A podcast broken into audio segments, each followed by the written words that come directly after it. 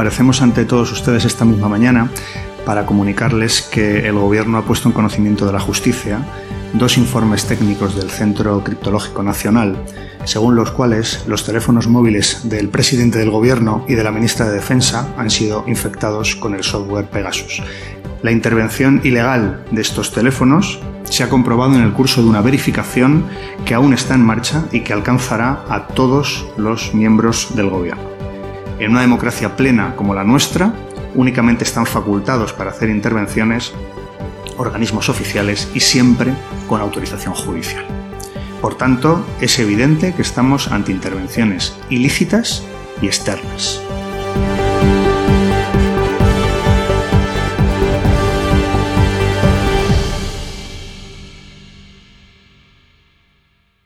Ola, semana trepidante con actualidade que se mata e non sabemos siquiera de que falar, pero sí con quen. Eh, Ana Luisa Bouza, hola Ana. Hola, que tal? A Catarrada. Bueno, un pouco. Bueno, e con Antón Losada, hola Antón. Boas. Pretórico de saúde como sempre, imagino. Non, non solo falarei se si me certificas que eh, O podcast foi convenientemente revisado polo Centro Criptográfico Nacional e nos verifica que efectivamente non estamos sendo obxeto de, de escoita por parte de, e cito textualmente o ministro Bolaños, un poder externo ilícito. Carai. Ou gobernos amigos como Marruecos, Arabia Saudí, no, no, no, no. que non teñen o Pegasus. O goberno pide que non especulemos, non sei se irresponsable, ten sentido do Estado. Sale o goberno e di, nos espiaron. E a continuación engade, non especulen sobre quién, é o que quere que fagamos. eh, de feito, no, no, historia... o señor ministro non lo está contando para que especulemos precisamente. Aparte, esa historia de que é imposible que Pegas, o Pegasus este en mans de axentes que non se sean gobernos porque Israel non llo vende nada máis que a gobernos amigos, vamos, moito, totalmente hai moito pirata, hai moito software pirata por aí. No, e, e de quen, a quen llo vende Israel, de verdade estás seguro de a quen llo vende Israel, en fin, é todo é toda unha película isto. E, eh? non habrá un, un Pegasus básico por aí que se pode baixar gratis, no? non? gratuito, o, de pagando, gratuito. O pagando Google, o, o freemium. Google, Google It, Google It, a ver si... A ver si no, pero a mí me resultó cando menos chocante a forma de presentalo por parte de, de Bolaños que se lle está empezando a quedar cara, eh, o sea, este, esta legislatura, como vamos de sorpresa en sorpresa, como o programa aquel mítico de Isabel Gemio, Se está quedando cara de concursante no programa de Isabel Gemio. Cara de, a ver con qué me... A ver con qué sorpresa. Sorpresa, sorpresa. Claro, a ver con qué sorpresa me salen ahora, ¿no? Yo pensaba que como diputado voto o diputado casero e o liderazgo menguante de Pablo Casado xa o viramos todo, pero non. É dicir, hai que, hai que trasladarle a audiencia unha mensaxe. O sea, nesta legislatura o millor sempre está por vir. Nunca de, no, xa vimos todo. No, É dicir, calquer día cae un meteorito eh, na, no, Palacio, no Congreso dos Diputados e diremos todos, xa se vía vir. Isto do, do meteorito. Entón, a comparecencia de Bolaños con esta cara de concursante sorpresa-sorpresa que se está quedando, non? A mí me resultou chamativa por varias cousas. A primeira, eh, que non teño moi claro que sexa unha boa idea desvelar públicamente que o presidente do goberno de España foi obxeto de non dun, sino de dous ataques exitosos. Non, non sei ata que punto é un lugar de conter o lume do escándalo do Catalan Gate o que fai é trasladalo a nivel estatal e convertilo xa nun problema de, de, de, de España Gate. De, de, España Gate, efectivamente. Segunda cuestión que me chamou moito a atención é que, aparte de confirmar a intervención, non tiña moito máis cosa que contarnos. Non tiña nada que decirnos sobre Eh, a orixe da intervención, é dicir, quen, quen, quen está detrás do, do, do, do ataque, dos, das, dos ataques. Tampouco tiña moito que decirnos sobre o contido da información que supostamente foi, foi hackeada. E, home, no caso do presidente do goberno estamos falando de 2,6 gigas, que para que a xente se faga unha idea son creo que 40 e pico mil cancións. É o equivalente a 40 mil a 40.000 cancións. E a continuación de, de deixar todo eso na sombra nos pide que non especulemos Pero entonces, que quere que fagamos? Que nos quedemos calados esperando o siguiente episodio como se isto fora un, un serial de televisión, é dicir, no momento que pose esta información en riba da mesa é que é inevitable que se formulen teorías e que os indicios te leven nunha dirección ou, ou noutra, non? E depois me chamou moitísimo a atención a, o sumo cuidado que puxo en sin decir mm, como decirlo, en utilizar ou evitar a palabra estranxeiro, fala de externo, que se tes a certeza de que foi outro goberno, pois fala, dice estranxeiro e mal. Entón, ese empeño en falar, en unir externo e ilícito, me leva a unha conclusión, que que no goberno non están para nada seguros de que a intervención non fora alguén daqui, é dicir, externo ao goberno, pero alguén ou dentro de algún poder do Estado, dentro de alguna administración, dentro de tal, é dicir, un externo pero nacional ou estatal, para entendernos, é fora da lei. O cal nos leva indefectiblemente a que pode ser algo feito dende algún dende o propio CNI. Recordados temos na cabeza, seguro, a famosa policía patriótica da etapa do PP, no? Eh, e que se xa efectivamente unha escoita feita dende dentro deso que chaman os cursos e las cloacas del Estado, non? que cosa que a mí me deixa preocupante, xa unha curiosidade A Sánchez lle trincaron 2,6 gigas e a ministra de Defensa, a Margarita Robles, solo 9 megas. Debe ser aburrido de narices o teléfono de Margarita Robles, eh? Bueno, que eso... o de Sánchez debe ou ser... Ten, ou ten máis precaución borrando historial tamén. Ya, pero de Pedro Sánchez debe ser un no parar de, de, de, de interés e o de Margarita Robles debe ser, pero aburrido non, o seguinte, non? Se ve que é unha enga... señora circunspecta, de todas formas. Eu engadindo isto que di Antón, eh, as cousas que sabemos tamén, as poucas cousas que sabemos, hai algunhas que son bastante espeluznantes, non? O sea, este roubo de datos produciuse hai meses, non agora. Eh, sabemos sabémolo agora, claro, sabémolo agora porque o Centro Criptolóxico Nacional decidiu facer eh, un, un barrido diferente do que fai habitualmente que é o que se supón que, que deixa seguros os teléfonos dos cargos públicos. É decir, que durante sabe dios canto tempo os teléfonos dos cargos públicos en España estiveron expostos porque quen ten a obriga de garantir esa seguridade non estaba garantindo. Non?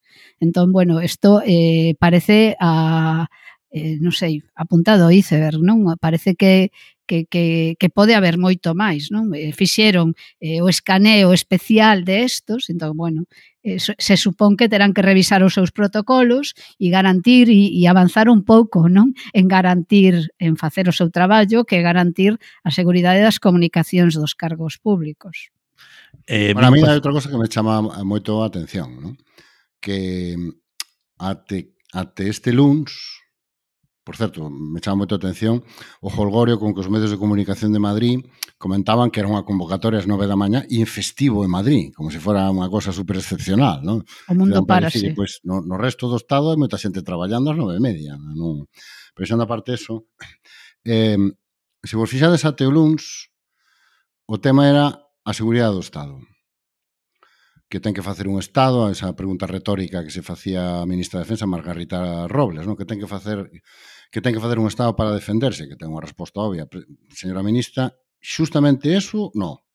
Xustamente eso que está vostede justificando é o único que non ten que facer para defenderse. Claro, o que permita a lei, o que permita a lei Pero facer. Estábamos fixadas nesta, e había un pouco esta esta cousa, bueno, son independentistas, non pasa nada, circulen. Haber estudiado. Circulen, circulen, un pouco deixando o subtexto este de, no fondo se lo merecían. Non, o que decía, como como decía a diputada de, de Vox, ¿no? Pouco los espiaron. Exactamente. No, no fondo, eh, eh, ellos se lo han ganado, ellos se lo buscaron, ¿no? Claro, ahora que salta a información de que xa foi espiado o presidente do goberno e que xa foi espiada a ministra de Defensa, ahora o tema está centrado, por fin, onde debeu estar centrado no minuto un, que a garantía dos dereitos e liberdades fundamentales dun cidadán nunha democracia. E cales son, os, cales son as garantías e os límites que temos non de que a seguridade do Estado está garantida, sino de que a nosa seguridade, a nosa seguridade xurídica, a nosa seguridade política, a nosa privacidade está garantida. Non? E eu, nese sentido, polo menos, me alegro e me parece unha consecuencia positiva de que o feito de que os espiados sexan ao grupo A, ao grupo B ou ao grupo C non debe levarnos, como estaba levando moita xente, a conclusión de que, bueno, dá un pouco igual, veña, circulen, ben, que, que pasa outro asunto? Que leso... Porque, claro, non, non, isto é un asunto capital eh, mollar, nuclear eh, da calidade democrática dun país. E por eso dicen, no, eh, decía hoxe o portavoz do PNV, no, Héctor Esteban, alguén va, alguén va a tener que dar unha explicación. Bueno, algo máis que unha explicación. O sea, alguén vai ter que dar moitas explicacións e alguén vai ter que asumir a responsabilidade polo que é unha brecha de seguridade gravísima. Porque, o decía antes Ana Luisa, é decir, non é só que espiaran a Sánchez ou a Robles, e que nos enteramos un ano despois. E o CNI se entera, e o CNI se entera 48 horas antes que nós, que nos enteramos a través da roda de prensa de, de Moncloa. E se enteran porque fan un barrido excepcional de sus teléfonos despois do Catalan Gate. Mm. Despois de que saíra a información do New Yorker alertando do, de que se infectaran 60 e pico teléfonos de, de independentistas. Non? O cal deixa o goberno con dous relatos. Un, ata o sábado, o relato era o, o goberno nos espía, Ahora podemos engadir o segundo relato que en Moncloa creen que lles beneficia, pero non o teño tan claro. É dicir, Alguén a nos espía. Tamén, a nosotros tamén nos espiaron. Bueno, eu penso... O eres espía ou eres torpe. Eh, que, non, de... non, pode ser as dúas cousas. Pode ser un espía torpe, ¿no? bueno, que eh, parece eh, que acaba sendo a conclusión. Bueno, o, o, de, o de entrarse pola prensa é unha tradición monclovita de moita de moita trayectoria, ¿no? E min o que me mm, o que me resulta mm, curioso desta, desta historia é que nos enteramos de que hai un organismo por aí que posiblemente ten tamén moita tradición de tal que é el, el centro criptográfico criptolóxico. criptolóxico, perdón. Seguro que tamén hai un criptográfico e non Seguramente, pero se dedica a outra cousa. outra cousa. O a eh, se chama Centro Criptolóxico barra criptográfico. Efectivamente. Eh, no, creo é o CCN. O Solo ten, o sea, Centro Criptolóxico. Había uns cursos antes de guitarra por correspondencia. ¿tú no, CCN, sí, sí. No, no era CCN ou era CNN? No, no CNN é outra cousa. A ver si va a ser o mismo. A ver si va a, a ver si antes aprendían a tocar a guitarra dista. se, abra, se aprenden como intervir un teléfono ou saber se o teu teléfono está intervido. Oye, é que depende, igual de, igual igual de Oye, de dan ese servicio, eu no de guitarra non me matriculei, pero neste me matriculo, eh? A ver, eh, depende do CNI. E ten a mesma directora, esta señora Paz Esteban, eh, que é a directora eh, do CNI. O sea que, a que xa dende aquí lle damos o noso que hai que hai que lembrar que aínda que foi en paz Esteban. E as, ainda... as nosas condolencias pola súa máis que inmediata in, sí. inminente división. Que ademais eh, digamos que non é non vai ser ou non debía ser moito, non debía haber moita conflictividade no despido porque esta señora, aínda que foi nomeada en 2020 polo goberno de Pedro Sánchez, realmente xa era en funcións directora nomeada polo, polo goberno de Rajoy, o sea que digamos que non é un cargo é un continuista, é un cargo bueno, continuista. Técnico non, polo non que se ve é... tampouco, eh? Técnico polo... Bueno, leva moitos anos, foi secretaría xeral do CNI, bastantes anos, eso, despois asumiu a dirección en funcións cando dimitiu anterior, o sea que leva bastantes bueno, anos. O, o, o pasa que Pero so... bueno, eso non quere decir nada, aquí a experiencia... Facer mm, carreira no Deep State é lento, eh? Entende? Non, non hai este sistema de concurso-oposición... No, a nomea o eh, rei, eh? Ah, o sea, por ah, no Deep State, cuidado, cosas, cuidado, que está nomeada, State nomeada polo de palacio, rei. Van despacio. No, eu creo que esta señora está claro que pola dereita e polo revés. Esta historia de que soplar e sorber non é doado ao mesmo tempo, esta señora conseguiu esta cousa excepcional de sorber e soplar ao mesmo tempo, porque ao mesmo tempo que espía que non debe, non per, o sea, permite que espíen aos que ten que protexer, ¿no? E claro, eso es, estas dúas responsabilidades eh, acumuladas, o sea, es que eu non sei que fai esa señora aínda que non dimite. Chamou vostede os grandes almacéns das Woman's Planers. Se quere falar co Departamento de Escuridade e Satanismo e Escola de Góticas Culonas, prema 1. Se quere falar co Departamento de Maldade e Linguas Inventadas, prema 2. Se quere falar co Departamento de Brillo Capilar e Pementos en Rabo, prema 3. Cada xoves, para señoras con criterio e señoros en vías de rehabilitación, as Women's Planers, un podcast da revista Luces co patrocinio de Punto Gal. É unha cousa, eh, os, da, os do curso de guitarra mandaban unha guitarra. Estes no. que... Sí, sí, Igual estes... mandan un micrófono que funcione. Este, este, estes que mandarán. Porque, claro, micrófono, un teléfono xa espiable. Se mandan unha, mandan unha miniatura de pega, dun Pegasus de Sargadelos. Tamén, tamén. tamén, tamén. Oye, que oportunidade mm, de, de Sargadelos para unha nova, non? Unha nova figura, unha nova un Pegasus, serie, non? Unha nova serie, un Pegasus. Vajilla Pegasus. O de luces Vaixela para facer unha camiseta eh, entregada. Igual hai na, eh?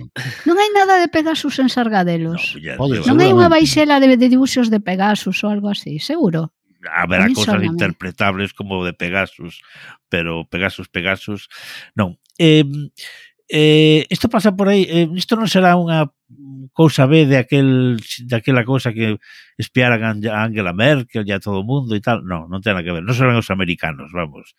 O, o... Eran os americanos, si acabaron recoñecendo tácitamente. Eu creo que non empregaban o, o software, este software de, de, no. de Pegasus. Seguro que teñen un propio Pero bastante que sí, potente. Si, sí, se os acordades, fai un ano e pico, houbera outra tanda de noticias de líderes europeos preocupados pola súa seguridade porque se tiñan detectado ataques contra o teléfono de Macron, sí. creo recordar, contra o teléfono de Boris Johnson.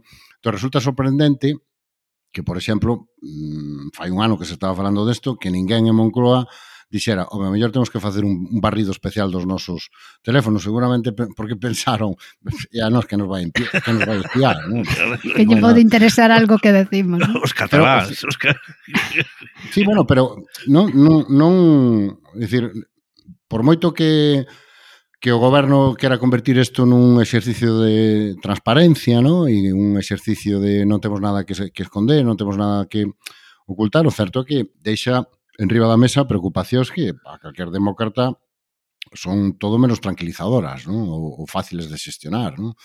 A primeira, é dicir, a min me parece unha cuestión capital a cuestión de se si realmente estamos diante dunha acción dun, dunha potencia estranxeira, dun goberno estranxeiro, ou estamos dentro da acción dun exército insurrecto incontrolado dentro da propia estructura do Estado, que non sería a primeira vez Vos recordo que o CNI nace porque houve que desarticular o seu antecesor, mm. que era o CSIC, que se veu metido en todo tipo de, de escoitas ilegais e todo tipo de filtracións. Recordade que houve, houve que, houve que di, dinamitar o anterior Servicio de Inteligencia do Estado Español e xenerar este novo CNI, porque a outra marca xa estaba tan desacreditada que non se podía continuar con ela os Mangrano, todo que, todo o sí, que pasou todo. antes nos anos... É dicir, hai unha máis que mm, desacogante tradición. tradición de responsables, xente que ten postos con poder na estructura de seguridade do Estado que fan o que lles peta bueno, Villarejo. E sin... que seguían polos seus principios, polos seus valores, e son eles os que deciden a quen hai que... Este é unha amenaza, é unha amenaza al Estado, pero simplemente porque é rojo, ou porque é catalán, ou porque falan Un adversario galego, político, sea. claro. Esa é a primeira cuestión. E a segunda xa, desde o punto de vista operativo, que eh, home, é necesario saber quen ordeou estas escoitas, se foi unha potencia estranxeira, saber cal foi. Por exemplo, todo apunta, moitos dos indicios apuntan a Marrocos. Claro, claro si eso se confirma, o xiro que acaba o que xa comentamos aquí, que deu a política exterior española con respecto ao Sáhara nos últimos no último mes, mes e pico, cobra outra dimensión e cobra outro significado e pues, son moitas explicacións que, que, que haberá que dar. E outro delito, por así decirlo, non? Que decir...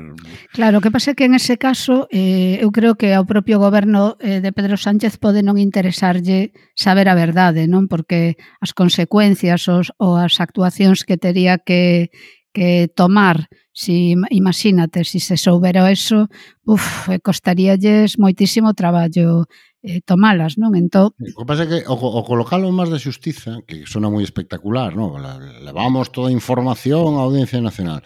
Eso, os procesos judiciales arrancan, eh, teñen dinámica propia, teñen vida completamente propia, se non pregúntalle a Rajoy e todos os procesos que viñeron cando os casos de corrupción do Partido Popular, non? É mm. dicir, que pode chegar un momento que por moito que tú queras controlar esa información e por moito que tú queras que eso non se saiba ou polo menos non quede claramente confirmado, oiga, é que a justicia vai lenta, pero vai ao seu ritmo e ten os seus propios tempos e antes ou despois podemos acabar enterándonos. Non? É dicir, que eu creo que o Goberno acaba de facer unha xogada de altísimo risco E eu creo que eh, é sobre todo un indicativo de que a legislatura, sorprendentemente, entrou nun, nun, nun trance de inestabilidade e de, de non estar claro o que hasta ahora estaba claro que a legislatura se iba a completar, bueno, xa non está tan claro. E eu creo que ah, ah, a, a, pode haber algo, incluso, se me, se, se me permite a expresión, ¿no? de como de pulsar el botón del pánico o lunes pola mañá ás nove e media. ¿no? Bueno, eh, donde non hai pánico nin, nin tranquilidade certo, nin nada é aquí. Quero sumarme á reivindicación do noso Alberto de que lle barran o teléfono tamén para ver bueno, se foi home, espiado. Bueno, eh, e, como, como galegos non podemos permitir que, que, non nos... que o noso presidente, bueno, expresidente, Ex. pero daquela era presidente, estuvera desprotegido. Bueno, é que me quero que me se expliquedes. espiaron o, o presidente da Generalitat e espiaron o Lendacari, temos dereito a, a que, que se espiaron tamén a, e, Eso debe estar recollido no estatuto. E se non está, debería estar. A que está esperando que BNG para presentar unha moción no Parlamento nos Galego como os demais, non van a que, que se nos espíe como nacionalidade histórica, con un idioma propio que somos.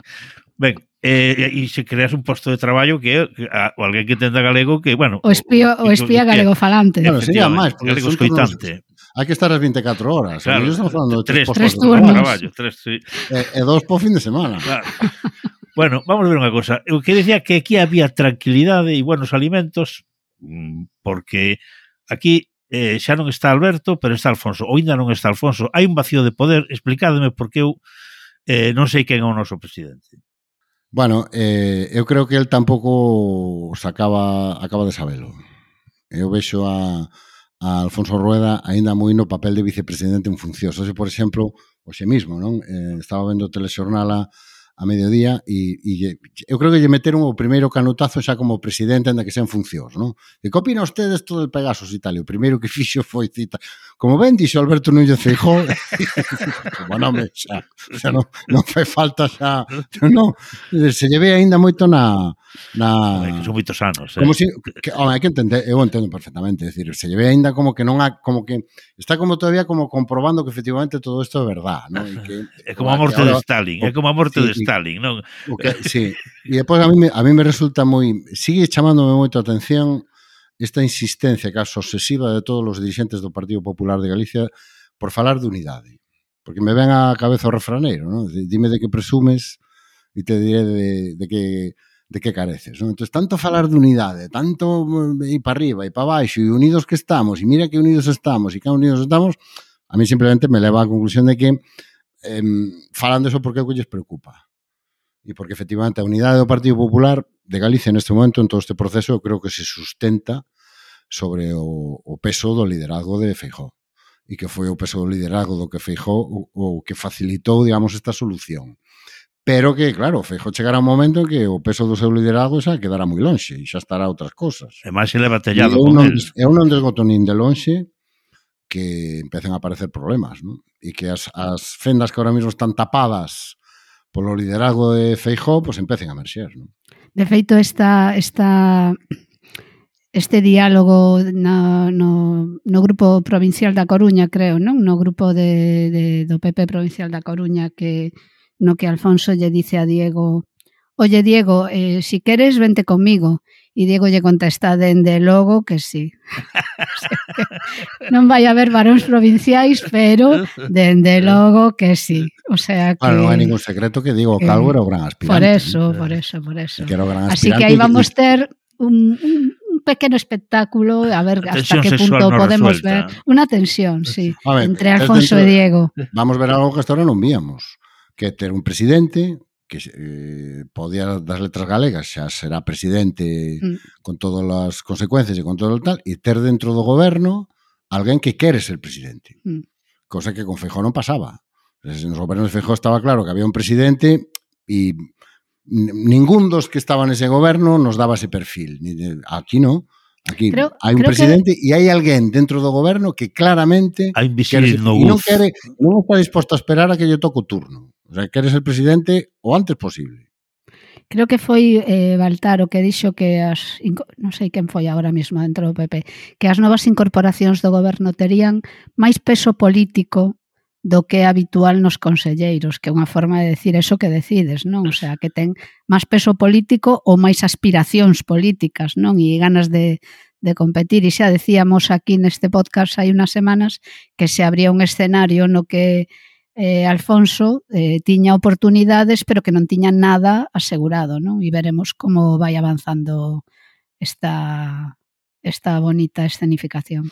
Bueno, outra das ideas que el repite moito nesta, nesta rueda un tour que nos está ofrecendo Ai, en directo, prácticamente en directo todos os días. Este, este rueda on the road este tour que está facendo por todas as agrupacións comarcais e locais do partido presentando o seu proxecto e tal. Presentando en general, idea. vamos, son, son Alfonso Rueda, son, soy el nuevo. Insiste, insiste moito nunha, nunha, nunha idea, non? A idea de que non hai aquí non hai PP de da Coruña, nin PP sí. de Ourense, nin de, aquí hai o PP de Galicia. E volvo iso, cando falas tanto deso, é que hai algo, hai algún run run, algo tes na cabeza e algo che chega de que efectivamente esa idea vai coallando, vai coallando e coalla dentro do partido donde eu creo que moita xente dice, bueno, volvemos ao que había antes, que o reparto do poder por territorios e fora do partido, non? E que realmente eso, Rueda que é un home inteligente, eu creo que é moi consciente de que son é unha das súas grandes debilidades, non?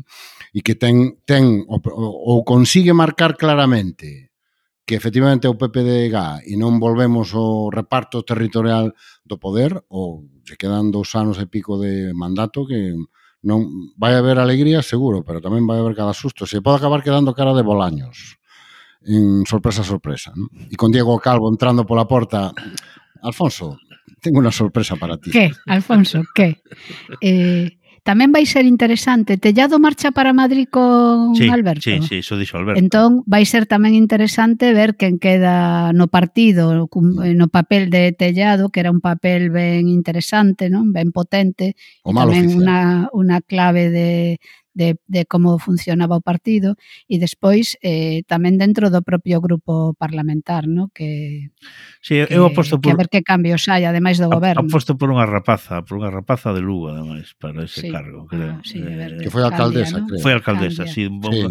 Do norte, sin ser do norte de todo, bastante do norte, sí, efectivamente. Sí, donde, eh, que ten unha institución Boa educativa falta fai, donde, eh, pola que, que pasaron teña... os maiores cerebros e máis brillantes de Galicia. Sí, efectivamente, sí.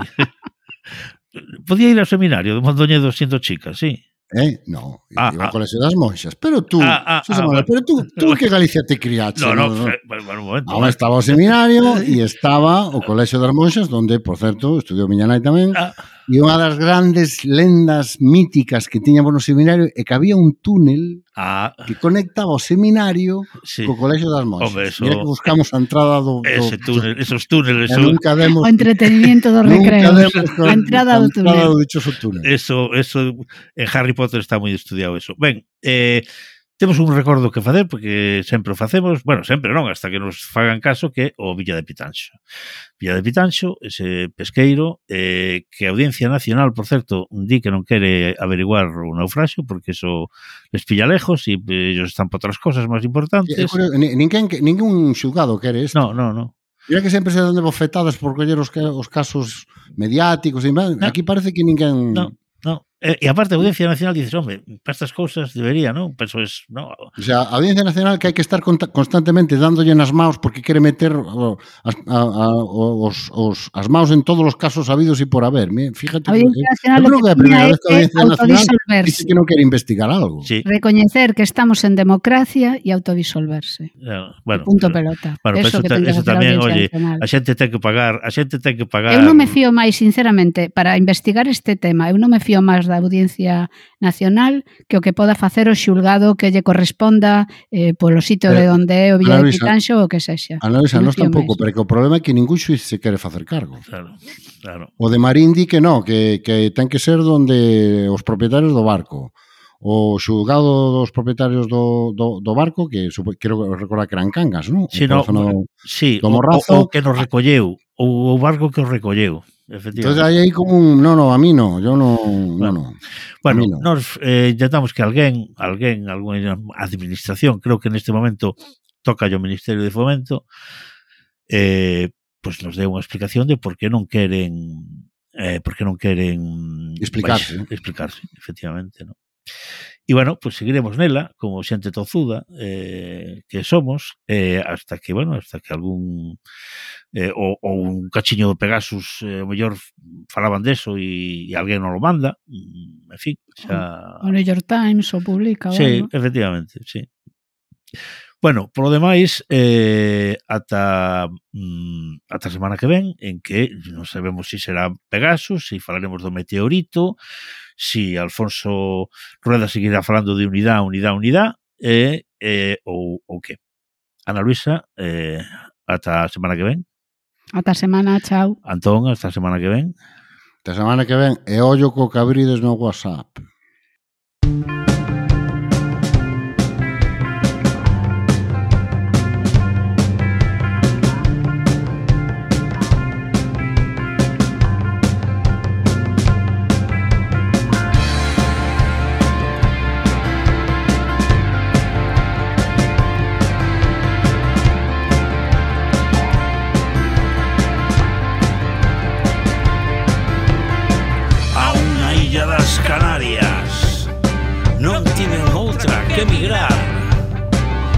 chollar do que fose Lonxe, lonxe do fogar. É que me invade a morriña Da patria de Breogán. Cando os coitos resentidos É que me boto a chorar. A chorar.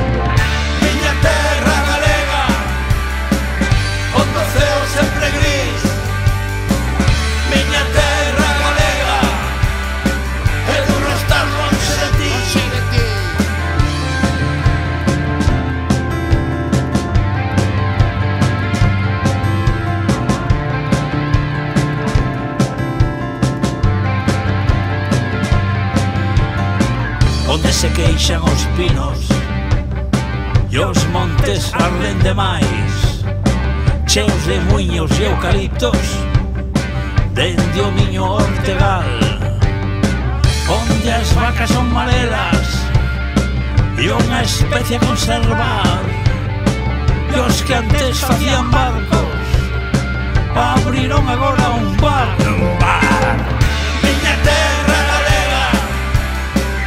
onde o ceo sempre gris. Miña terra galega de duro estar longe de ti. Longe de ti.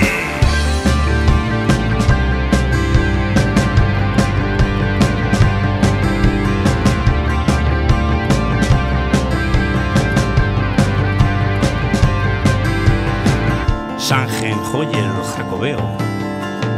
Empanada y pulpo a feira queimada y el vino turbio, lo bien que se come aquí.